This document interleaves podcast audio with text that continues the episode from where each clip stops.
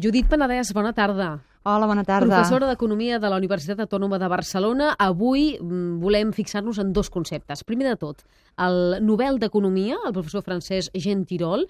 Eh, estàs molt contenta, no em sembla, d'aquest Nobel? Doncs sí, estic encantada, entusiasmada. Òbviament, com tots els Nobels, se'l mereix molt. Què és el que s'ha valorat en aquest Nobel d'Economia? Bé, aquesta persona ha fet moltes coses, té una llarga, extensa carrera acadèmica, però bàsicament, i per anar al gra una mica, com l'espai diu això, anem al gra, doncs per anar al gra, el que diria és el següent.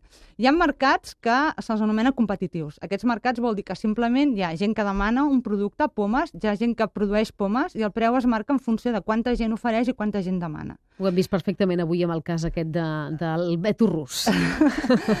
Exacte. Uh, però hi ha altres mercats que per les característiques del bé doncs, tenen una estructura diferent. Allà on les empreses doncs, tenen com més poder de mercat. O sigui, poden posar preus més alts uh, diguéssim, sense tenir tant en compte si quanta gent demana o quanta gent deixa de demanar aquest bé. Per exemple? Per exemple, suposem una companyia de telèfons mòbils. Sí? Aquestes companyies tenen un cost d'infraestructura molt elevat perquè han de fer com posar antenes o posar xarxes o posar cables o el que vulgueu. Molt bé. Llavors, aquestes empreses, quants més clients tenen, millor per ells, perquè realment la trucada, el cost de la trucada és molt, molt baix per elles. És el que els hi costa diners és posar primer la infraestructura. Com més gent tenen, com més clients tenen, més poden amortitzar el cost d'infraestructura.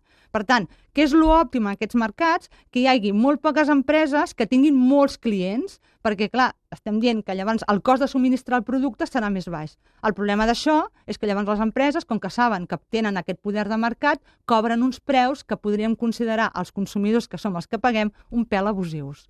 Llavors, Jean Tirol el que va dir és, molt bé, aquests mercats s'han de regular.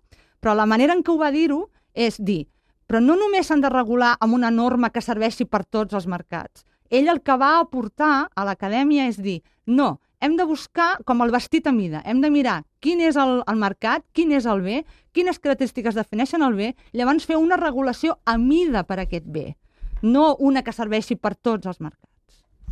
Queda clar. Uh, Judit, parla'ns ara del de, tema de les targetes opaques, targetes B, targetes negres. El jutge ha imputat uh, pel tema a, la, a Miguel Blesa, a Ildefonso Sánchez i a l'expresident de Bankia, Rodrigo Rato. Explica'ns, Judit, uh, què volen dir targetes opaques o targetes negres? Vol dir el següent. Primer, que són targetes que no està ben bé clar, perquè sembla que ningú sap Eh? Es donaven aquestes targetes per despesa de representació a l'empresa, perquè aquestes persones tenien un alt càrrec dintre de Bankia o de Caja Madrid. Eh? Parlem de Caja Madrid. Llavors, eh, de, uh, despeses de representació vol dir que aquestes persones tenien que fer despeses d'anar a dinar amb gent que els venia a veure o anar a viatges, i llavors feien servir aquesta visa per pagar aquestes despeses.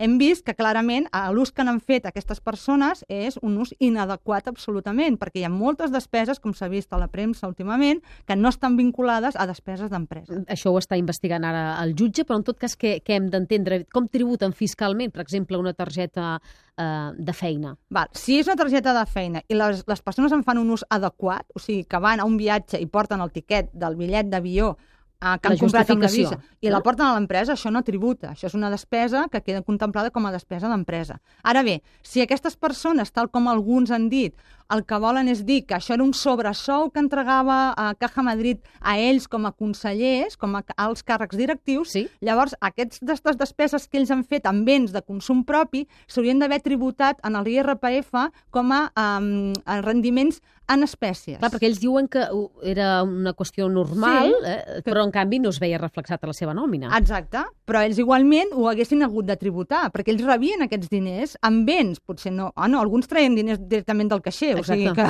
sí, sí, és més que això. Sembla. Doncs haguessin hagut de tributar en l'IRPF. Per tant, en aquest cas sí que sembla que seria possible eh, que existés un frau fiscal en el sentit de que no van declarar ingressos que havien percebut. Molt bé, doncs aquesta, aquesta és l'anàlisi de la Judit Penedès, avui parlant del Premi Nobel d'Economia i de les famoses targetes negres. Fins la propera, gràcies. Fins la propera.